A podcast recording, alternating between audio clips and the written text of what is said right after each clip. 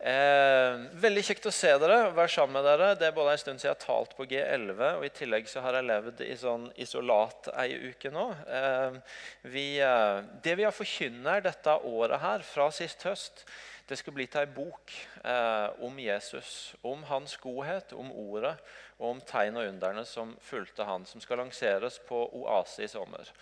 Eh, på coveret av den boka så kommer det til å stå mitt og Martin sitt navn, men det kunne egentlig stått Imi-kirka på det.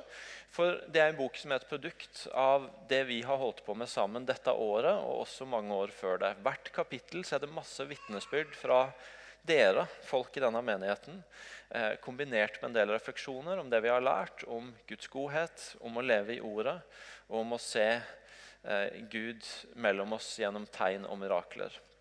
Eh, og eh, Forrige søndag så trodde jeg hadde kontroll på det prosjektet og trodde at deadline var i slutten av mai. Så fikk jeg beskjed av Martin om at deadline var i slutten av denne uka. Så, eh, så denne uka har jeg kansellert alle avtaler og skrevet bok. Og nå er den klar til å sendes, og det er jeg veldig glad for. Uh, yes. Uh, det betyr så jeg er spent på tale til dere i dag, fordi jeg skriver nesten aldri taler i, eh, i eh, sånn enerom. Eh, som oftest så forbereder jeg min forkynnelse litt sånn i prosess sammen med andre. I staben så leser vi en bibeltekst og ber hver, søn, hver dag etter lunsj inne i bønnerommet. Og nesten alltid det jeg deler med dere på en søndag, det er resultatet av at jeg har bedt og lest ordet sammen med staben. og hva Gud har talt der. Så nå har jeg sittet helt alene. Nå får vi se om Gud kan si noe til meg når jeg ikke har staben med meg og rundt meg. Eh, håper det skal bli bra. Eh, vi har begynt Nei, vi ber før vi begynner å gå videre. Kjære Jesus, eh, jeg har lyst til å takke deg for at du er her. Jeg har lyst til å takke deg for at du er levende, og for at vi allerede i denne gudstjenesten har fått høre historier om at du bruker våre liv, og du griper inn i vår verden. Eh, og du lar mennesker som er i nød, og som er fortapt, få møte du. Og få møte dine etterfølgere og se at deres liv blir forandra. Og vi ber deg denne morgenen om at ditt ord skal få gjøre noe med oss, og at din ånd skal få virke blant oss, sånn at uh, vi kan gå ut med en annen retning uh, og med nytt mot til å leve med du og for du. Takk, Jesus, for at du har brakt Guds godhet til oss. Ber deg om at vi skal merke at den godheten er tilgjengelig for oss her i dag, denne formiddagen. Amen. Det handler om, eh, om den siste delen av kjennetegna på Jesu liv som vi jobber med dette året, nemlig at tegn og under og kanskje særlig helbredelser fulgte Jesus. Eh, jeg hadde lyst til å begynne i dag. Jeg har ikke med meg noen som skal ha vitnesbyrd i dag. men Derfor hadde jeg bare lyst til å lese et vitnesbyrd som åpner et av kapitlene i boka. Eh, så får dere også en liten teaser på hva som venter. Det er vitnesbyrdet til Øyvind som har gått bak. da. Melkeallergien kom først. Som åtteåring måtte Øyvind plutselig venne seg til å styre unna en hel del ting han så langt i livet hadde spist. Mye av det var ting han likte. Sjokolade, kaker, for å nevne noe. Stadig oppmerksomhet når han måtte si nei til ting, og spørsmålene rundt dette var heller ikke noe han trivdes med. Fire år seinere kom angsten. Pulsen skjøt stadig oftere fart, og tolvåringen ble redd noe var galt med hjertet. Snart begynte det å komme på natta mens han sov, og Han klarte ikke å våkne før det hadde roa seg, og derfor så utvikla det seg også for en frykt for å sove. Ei stund forsøkte han å holde problemene for seg sjøl, men til slutt så delte han det med foreldrene. På den måten ble det legesjekk som avslørte at det var ingenting galt med hjertet. I stedet ble det konstatert at han led, led av angst. Medisiner ordna nettene hans, men fortsatt var angsten et problem, og han utvikla sosial angst. Gradvis lærte han seg teknikker for å leve med det. Et par år senere mente legen han var blitt så bra at medisinene kunne trappes ned. Og det gikk godt i fem uker. Så kom angsten tilbake. Verre enn noensinne. Og sånn kom også medisinene tilbake. Like etterpå fikk Øyvind en helt overkommelig bibel i gave. For første gang leste han sjøl i Bibelen. Han beskriver at dette ble starten på en helbredelsesprosess. Han begynte etter hvert å lese i en vanlig bibel, seinere også en studiebibel. Og mens han leste, så merka han at noe på innsida blei helbreda. De dårlige minnene fra forrige gang han slutta på medisiner, satt imidlertid fortsatt i, og han holdt avstand til tanken om å prøve å gi slipp på de en gang til. Høsten 2010 begynte Øyvind på Akta bibelskole. På en gruppesamling i desember ba, andre, medelever, ba andre medelever for melkeallergien hans. Han hadde aldri fått forbønn for dette og merka heller ikke at noe skjedde mens de ba. Men da han kom hjem, så bestemte han seg likevel for å sjekke om noe hadde skjedd, og drakk et helt glass melk. Så begynte han å vente på at systemet skulle røre på seg. Normalt ville forstoppelse og smerter komme ganske raskt. Men ingenting skjedde. Ikke dagen etter heller. Faktisk har det ikke skjedd noe på de halvannet åra som har gått siden da, sjøl om Øyvind har fortsatt å drikke så mye melk han vil. Over nyttår opplevde Øyvind at Gud begynte å minne han om at tida var inne for å kutte ut medisinene for angsten også. Helbredelsesprosessen hadde fortsatt å pågå mens han leste Guds ord. Og Samtidig var det utfordrende for han å ta steget helt ut. 17. mai, altså ett år sia, satt han og leste Bibelen og opplevde Gud si hvis du kaster medisinene nå, så er du fri. Han måtte diskutere litt med seg sjøl før han kasta medisinen i søpla og la seg til å sove. Den natta han, kjente, våkna han og kjente Guds kraft i hele kroppen. Siden har han ikke hatt noen problemer med angsten. Han sier sjøl, 'Gud har helbreda meg'. Jeg sliter ikke lenger med den forferdelig hemmende angsten som påvirka meg 24 timer i døgnet og hindra meg i å gjøre ting jeg hadde lyst til. Det er fint?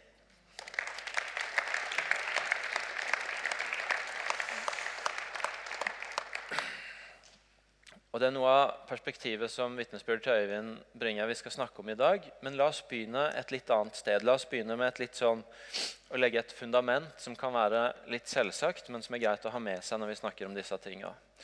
I andre Mosebok, og hvis dere har Bibel, så må dere gjerne finne den fram, for vi skal hoppe litt rundt i noen forskjellige bibelsteder i dag.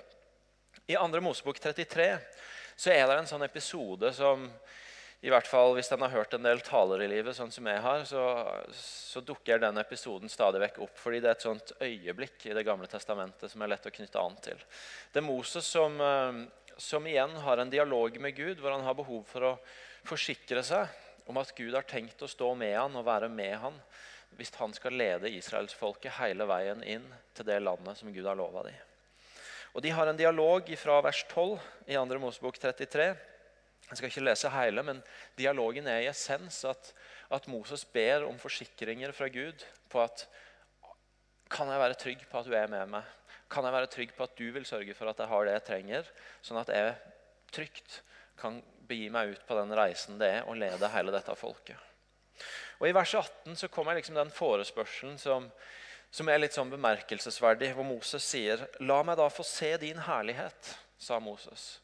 Og Dette er Moses ikke sant, som har sett den brennende busken, som har sett havet åpne seg. Som har vært med på allerede en del ganske bemerkelsesverdige ting som er hvis jeg skal se tilbake på, Jeg føler jo jeg har opplevd og har en historie med Gud, jeg òg. Men ikke brennende busker eller hav som deler seg. Og jeg tenker Går det an å slå seg til ro med det du har opplevd så langt, Moses? Men så kommer altså Moses med denne her freidige bønnen La meg få se din herlighet. La meg få se enda tydeligere hvem du er, ehm, og, og hva din herlighet er, Gud. Og Det er da Gud svarer fra vers 19 dette, dette svaret at jeg vil la all min godhet gå forbi deg og rope ut for deg navnet Herren. For jeg er nådig mot den jeg viser nåde, og barmhjertig mot den jeg forbarmer meg over. Du kan ikke få se ansiktet mitt, sa han, for et menneske kan ikke se meg og leve. Herren sa, Se her et sted tett ved meg, still deg her på klippen min. Når så min herlighet går forbi, går forbi, vil jeg la deg stå i klippekløften, og jeg vil dekke deg med håndflaten til jeg er kommet bort. Så vil jeg ta hånden bort, da kan du se meg bakfra, men ansiktet mitt kan ingen se. Moses ber om å få se Guds herlighet, og svaret til Gud er litt sånn at jeg vil gjøre så godt jeg kan, men jeg kan ikke, jeg kan ikke gi deg alt. Du kan ikke se alt ved meg. Så må, vi gjemmer deg bak denne klippa her, og så holder jeg handa litt foran deg. Sånn at du ikke får sett hele meg, men du får i hvert fall se meg bakfra når jeg går forbi deg. Eh, Gud nærmest litt sånn jeg, jeg, skal gjøre så godt jeg kan, men jeg kan ikke gi deg alt du ber om. Eh, når du ber om å få se min herlighet. hoppe fram til Johannes 1, Johannesprologen, hvor det står Og ordet blei menneske og tok bolig iblant oss. Og vi så hans herlighet, en herlighet som den enebårne sønn har fra sin far, full av nåde og sannhet. Og i vers 18.: Ingen har noen gang sett Gud, men den enbårne som er Gud, og som er i fars favn, han har vist oss hvem han er. Dette verset sier enkelt sagt at vi kan jo godt misunne Moses for at han fikk se brennende busker og hav som delte seg, og at han fikk stå bak den klippen og oppleve at Gud gikk forbi, og at han i hvert fall fikk se ham bakfra. Men vi som kan se Jesus, kan se alt sammen. Vi kan se mer enn Moses gjorde. Og Det betyr at hvis vi ikke er ute etter det spektakulære, hvis vi ikke er ute etter det ekstraordinære og det er litt sånn, det som skaper litt oppstuss i hendelsen, så har vi faktisk tilgang til å se enda mer enn han. Vi har tilgang til å se alt eh, det som Gud er i Jesus Kristus. Der står at ingen har sett far, men Jesus har kommet for å åpenbare han. Og når vi ser han, så ser vi hvem Gud er. Ser vi på Jesus, så ser vi alt av hvem Gud er. Og vi får et enda større svar på bønnen 'La meg få se din herlighet' enn det Moses fikk. Det er ganske bra. Eh, det betyr at trosheltene i Det gamle testamentet som vi kan la oss inspirere av, og som vi noen ganger kan tenke 'Tenk om jeg var der'. Tenk om jeg fikk eh, slenge den steinen på Goliat og se at Gud gjorde noe sånt. Og så er budskapet i Johannesprologen at vet du nå, du får lov til å se enda mer. Du får lov til å se hele Guds herlighet hvis du fester blikket ditt på Jesus Kristus. Grunnen til at vi begynner her i dag, det er fordi at når vi skal snakke om dette med tegn og under og helbredelse, så syns jeg det er utrolig viktig for oss å forankre det i hvem Gud er. Akkurat som det var det når vi snakka om godhet i høst, så begynte vi med å snakke veldig mye om hvordan vi i hvem Gud er, møter en Gud som er god. Og at det er hele basisen for å snakke om at Guds godhet er tilgjengelig og for å utfordre oss på hvordan vi kan gjøre Guds godhet tilgjengelig for andre. Det er ikke en fiks idé for å lage ei spennende kirke. Det er ikke en fiks PR-idé for Gud eller for hans menighet. Men det må handle om, vi må kunne forankre det i at dette er den Gud er. Og Når vi skal forsøke å representere Gud i vår verden, så er det, så er det dette vi ser at er tilgjengelig. Og da er det sånn at Hvis Jesus er åpenbaringen for oss av hvem Gud er, så er evangeliene som forteller om Jesus Jeg, har lest mange forskjellige tall, talloppsettinger på det. Men et enkelt overblikk sier at 25% av evangeliene er fortellinger om tegn og under. Om at Jesus helbreder noen mennesker, eller om at han på andre vis eh, griper inn på måter som ikke ligger i vanlige menneskers makt. Og Det kan være enkelthistorier, som vi skal se på en straks. Og Det kan være sånn der små setninger av typen Matteus 4. er det vel, det står og alle som var der, helbreda han. Og Så kan du bare begynne å forestille deg ok, hvor mange individuelle personlige historier ligger bak den setninga der. 25% en så stor del av Jesu liv, av Jesus som kom for å vise oss hvem Gud var, hvem Gud er, eh, forteller sånne historier om denne inngripenen som ligger utafor det vi mennesker kan gjøre i oss sjøl om at mennesker ble friske, om at mennesker ble frelst ut av lidelse her og nå. Én eh, ting er at det sier oss noe sånn kvantitativt i størrelse om at dette var på agendaen når Jesus kom og viste oss hvem Gud var. Noe annet er kanskje hva finner vi i de historiene? Hva er det vi lærer i historiene om hvem Gud er, om hvordan han opptrer, om hva som kjennetegner han?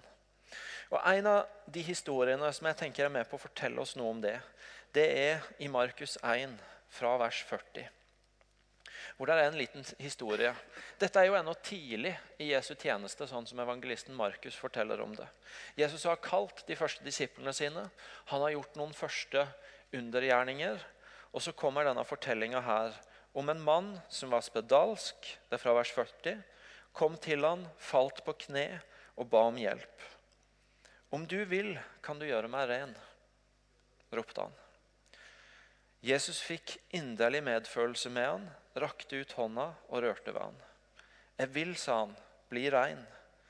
Og med det, med det samme var spedalskheten borte, og mannen blei rein. Noen har begynt å legge merke til allerede at det er noe som følger Jesus. Denne spedalske mannen er en av de.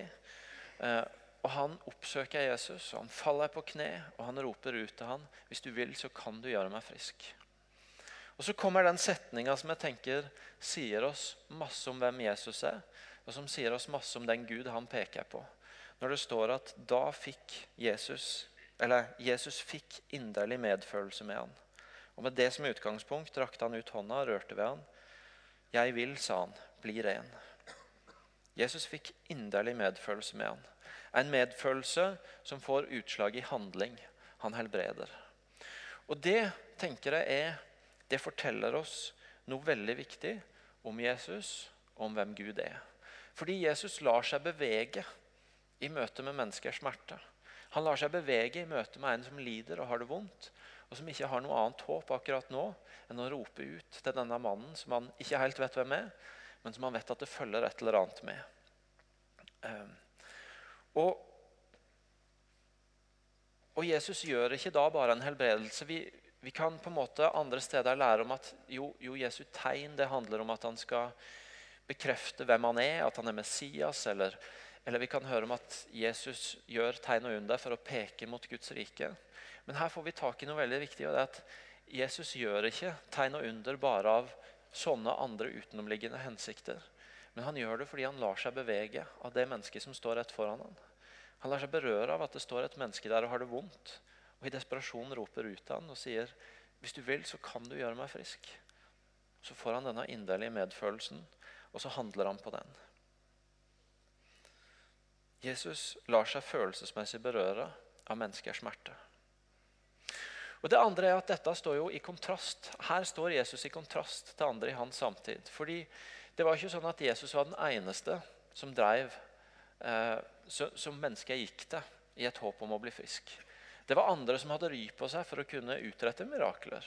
Og det var folk som hadde mer medisinsk innsikt, sjøl om de var på et annet sted enn vår medisin er i dag som forsøkte å hjelpe mennesker. I Markus 5 jeg skal ikke lese hele den historien nå, men der fortelles det om ei dame som har vært syk med blødninger i tolv år.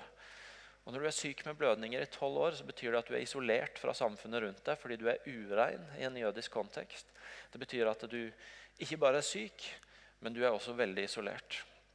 Og Der står om henne at hun hadde brukt alt hun eide på eh, medisinere, på, på, leger og andre som kunne prøve å gjøre henne friske. Og så står det her Men ingen hadde kunnet hjelpe henne. Ingen hadde hjulpet henne. Hun hadde brukt alle pengene sine i håp om at noen av disse her skulle kunne fri henne fra lidelsene. Ingen kunne hjelpe henne. Med Jesus så var det annerledes. Han gjorde for det første folk friske. Vi leser ingen steder om at det ikke skjedde. At han ikke responderte og ikke gjorde folk friske. Og det andre er at han tok ikke betalt for det. Når han sendte ut disiplene sine for å gjøre det samme som han hadde gjort, han sendte de ut og han sa dere skal også helbrede syke, så presiserte han samtidig gi som gave det dere har fått som gave. Med andre ord, ikke, ikke tjen dere rike på andre menneskers lidelse, men gi som gave det dere sjøl har fått. Han tok, han tok ikke noe for det. De som fulgte han, disiplene han skulle ikke ta noe for det. Der du hadde en annen industri som utnytta menneskers lidelse og, og, kanskje ikke alltid klarte å gi dem hjelp engang, så kom Jesus som en kontrast og lot seg bevege av smerten og hjalp folk uten at det kosta dem noe som helst. Det syns jeg er et fint bilde av Gud. Og så er det også noe med hvem er det Jesus hjelper. Jo, det er en overvekt, som, som biskop Ernest Ernst var innom i, eh, når han snakka. Det er noe med at det er en overvekt når Jesus handler i møte med mennesker som er i randsonen av samfunnet. Som lider, som er utstøtt, som er fattige, som ikke har så mange andre håp enn å stille sitt håp til Jesus. Disiplene den første kirka fortsatte jo å bære med seg denne dimensjonen. Og I Apostlenes gjerninger tre helt tidlig så er det denne historien om en lam mann som eh,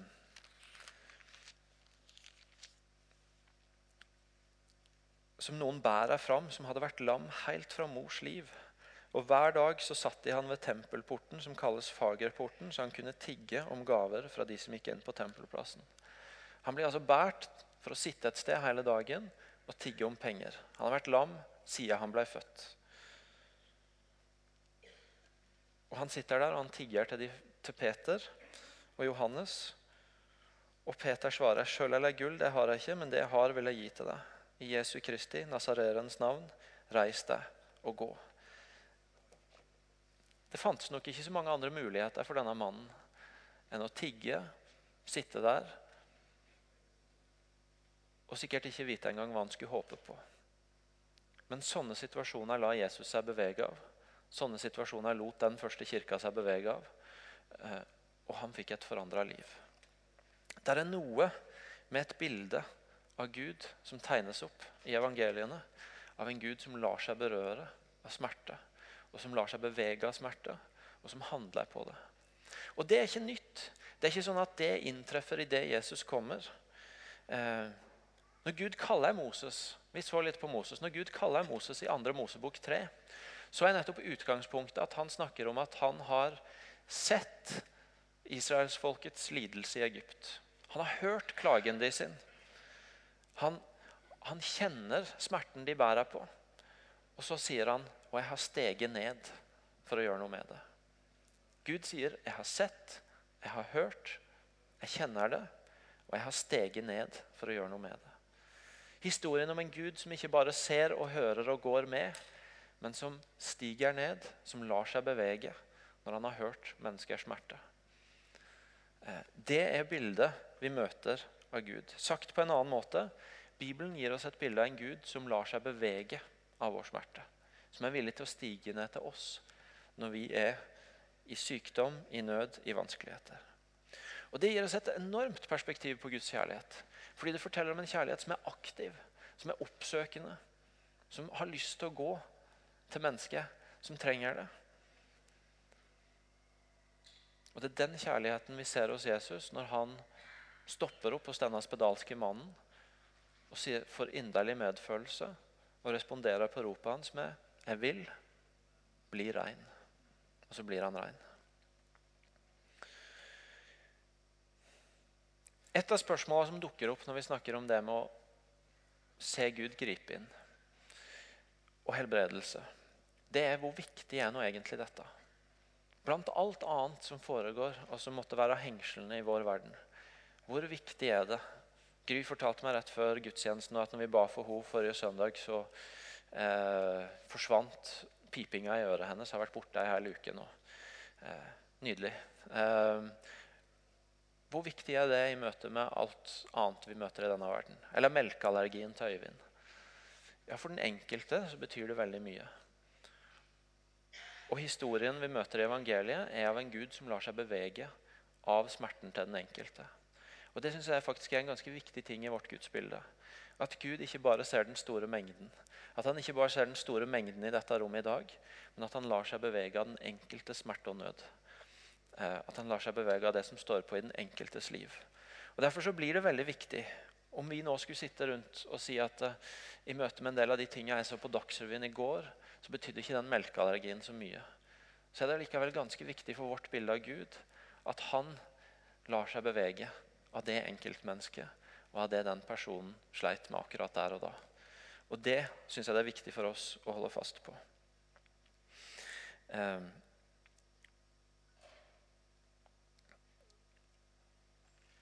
og dette tenker jeg er noe av det som utfordrer oss også på å være med å be.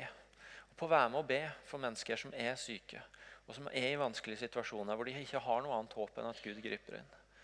Fordi vi må representere den kjærligheten. Vi må representere den kjærligheten som eh, som ser den enkelte, som lar seg bevege, som lar seg berøre av at noen har det vondt, og som er villig til å kjempe med. Og jeg vet at det finnes, det finnes veldig legitime spørsmål for hvorfor vi av og til syns dette med helbredelse kan være utfordrende å forholde seg til. Og De spørsmålene skal vi snakke om. Men av og til så lurer jeg òg på om noe av det som holder oss litt tilbake, er at vi tillater oss å distansere oss litt fra menneskers nød. å distansere oss litt fra å sette oss i det spenningsfeltet hvor vi er nødt til å kjempe sammen med dem.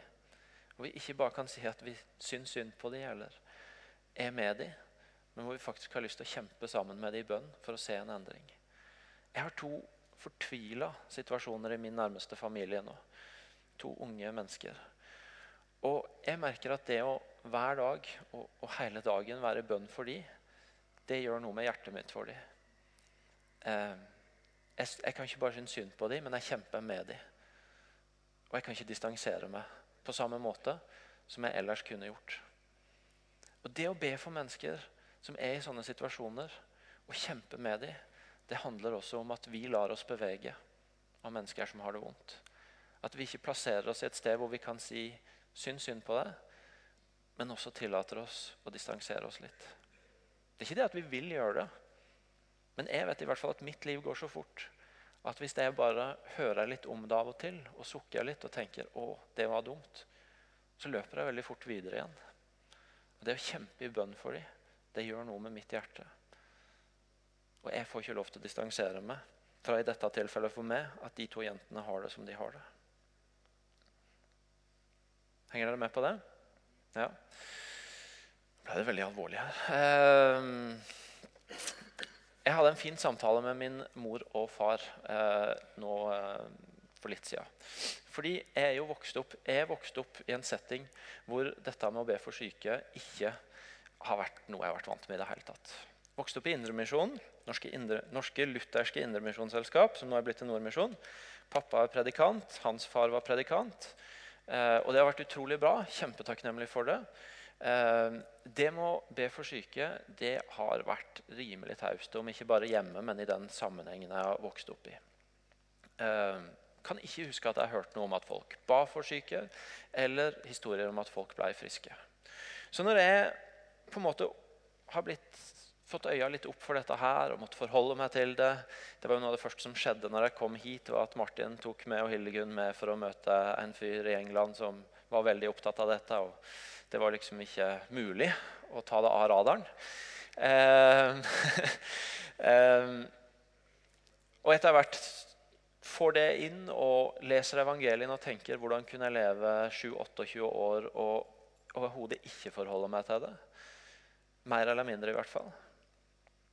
Ehm, så måtte jeg hjem og spørre mamma og pappa, som jeg syns har gitt meg så mye bra. Hvorfor, hvorfor, har jeg aldri hørt noe om det? Hvorfor altså, har dere aldri vært opptatt av det? Og kom jeg jo med en litt sånn tanke som at jeg bringer med meg noe nytt nå. Nå skal jeg fortelle dem om noe nytt jeg har sett, som de jo åpenbart har levd enda lenger, 70 år, uten å se. Og så skjønner jeg jo når vi sitter og snakker, at nei, dette er jo ikke nytt for dem. Dette var jo helt vanlig for dem når de var like gamle som meg. De har hørt masse historier om folk som har blitt friske. De var helt vant med at det var en naturlig ting å, å be for folk. Og pappa forteller om alle predikanter reiste jo rundt med oljeflaska i, i predikantveska si og, og, ba for folk hvis det trengtes. Og, eh, visste om folk som en særlig gikk til å ba for. Og, jo, jo, selvfølgelig. Og jeg, jeg, jeg, følte For å være sikker på at ikke jeg nå bare misforsto de og på en måte frikjente de for raskt, så måtte jeg pushe de litt. liksom, ja, ja, ba dere med en tro, Hadde dere en frimodighet på at det kunne skje noe, eller var det litt sånn pass på de? Nei, nei, selvfølgelig. selvfølgelig. Vi trodde jo, vi så jo at folk kunne bli friske. Eh, og da ble jo mitt neste spørsmål ja, men hvorfor har aldri jeg hørt noe om dette? altså, Siden når ble det stille om dette? Eh, og jeg, skal, jeg, har ikke gjort noe forskning på det, så jeg kan ikke forklare alt det. Men, men et par ting jeg hører eh, de si, er at for det første så var det de få som ba, som ba, for folk. Det var ikke sånn at alle Guds folk ba, ba, men det var sånn at det var predikanten eller noen spesielle som han tenkte hadde en gave til det. Det var de som ba for folk. Og så var det veldig lite snakk om det. Det var litt sånn, Alle visste om det, men ingen sa noe om det. Eh, tok det ikke i møte, men tok det heller hjemme på kammerset etterpå. Og så gikk det litt sånn summing, men, men snakka ikke for mye om det. Og så var egentlig deres teori bare at etter hvert som disse som var frimodige på det, forsvant, og det ble snakka så lite om, så bare forsvant det. Og så kom ingen nye og tok det inn. Og det tror jeg bare er ei læring for oss. To ting.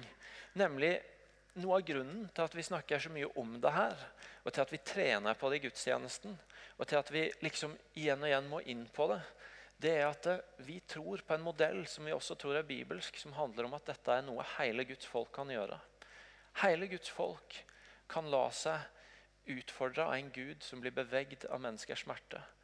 Og på samme måte da legge hendene på folk og be for dem. Det er ikke for spesialistene, det er ikke for de som får lønn, det er ikke for de som har en spesiell nådegave til det, selv om de òg finnes. Men det er noe alt Guds folk kan gjøre. Og Det er så viktig for oss at vi ikke bare skal gjenoppdage det for en liten stund med noen som har en spesiell gave på det, men at, at, vi skal utruste hverandre som hele Guds folk til å ha det som en del av vår hverdagsutrustning. At vi kan kjenne frimodighet på at ok, hvis du er syk, så skal jeg be for deg. Fordi det, ikke, det skal ikke henge på noen få, men det skal henge på hele kirka. Vi trenger å utruste hverandre, sånn at det ikke bare dukker opp for en liten sesong, og så forsvinner det igjen. Og det andre er at Vi trenger å snakke om det. Vi trenger å løfte det opp. Vi trenger å dele historiene. Ikke fordi at vi skal skryte av hva vi sjøl fikk til, ikke for alle de der tinga som kan bli innvendinger, men rett og slett fordi vi trenger både å feire det Gud gjør, og vi trenger å holde oss hverandre fast i at dette er en del av livet Jesus kom med, sånn at vi ikke glemmer det igjen. Jeg har ikke lyst til at Elia skal sitte og snakke med meg om 40 år og si ja, men hvorfor sa du ingenting om dette, pappa? Du har jo opplevd masse av det, men du fortalte meg aldri om det. Jeg har ikke lyst til at det skal skje med min sønn. Jeg har lyst til at han skal vokse opp og ha et naturlig forhold til det. Og da må jeg bli komfortabel med det. Da må jeg lære meg å leve med det. Og jeg må gi det videre til han. Og vi må hjelpe hverandre å leve i det. Det må handle om hele Guds folk, ikke bare om noen få. Ok. Jesus viser oss, har vi sett i dag, en Gud som blir bevegd av sykdom og lidelse. Det skal være vår håp og vår trøst og vår frimodighet når vi møter sykdommen. Til å be, til å holde fast, til å tro på at han er der. Og det skal være vår utfordring som kirke til å la oss bevege av menneskers nød. Og derfor til å be for dem. Og selvfølgelig òg alle de andre tingene vi har snakka om, med godhet, med konkret handling. Men i dag snakker vi om å be for folk. Om å være villig til å kjempe for folk i bønn. Og til å på den måten la oss bevege sånn som Gud lot seg bevege. La oss reise oss, så skal vi be sammen.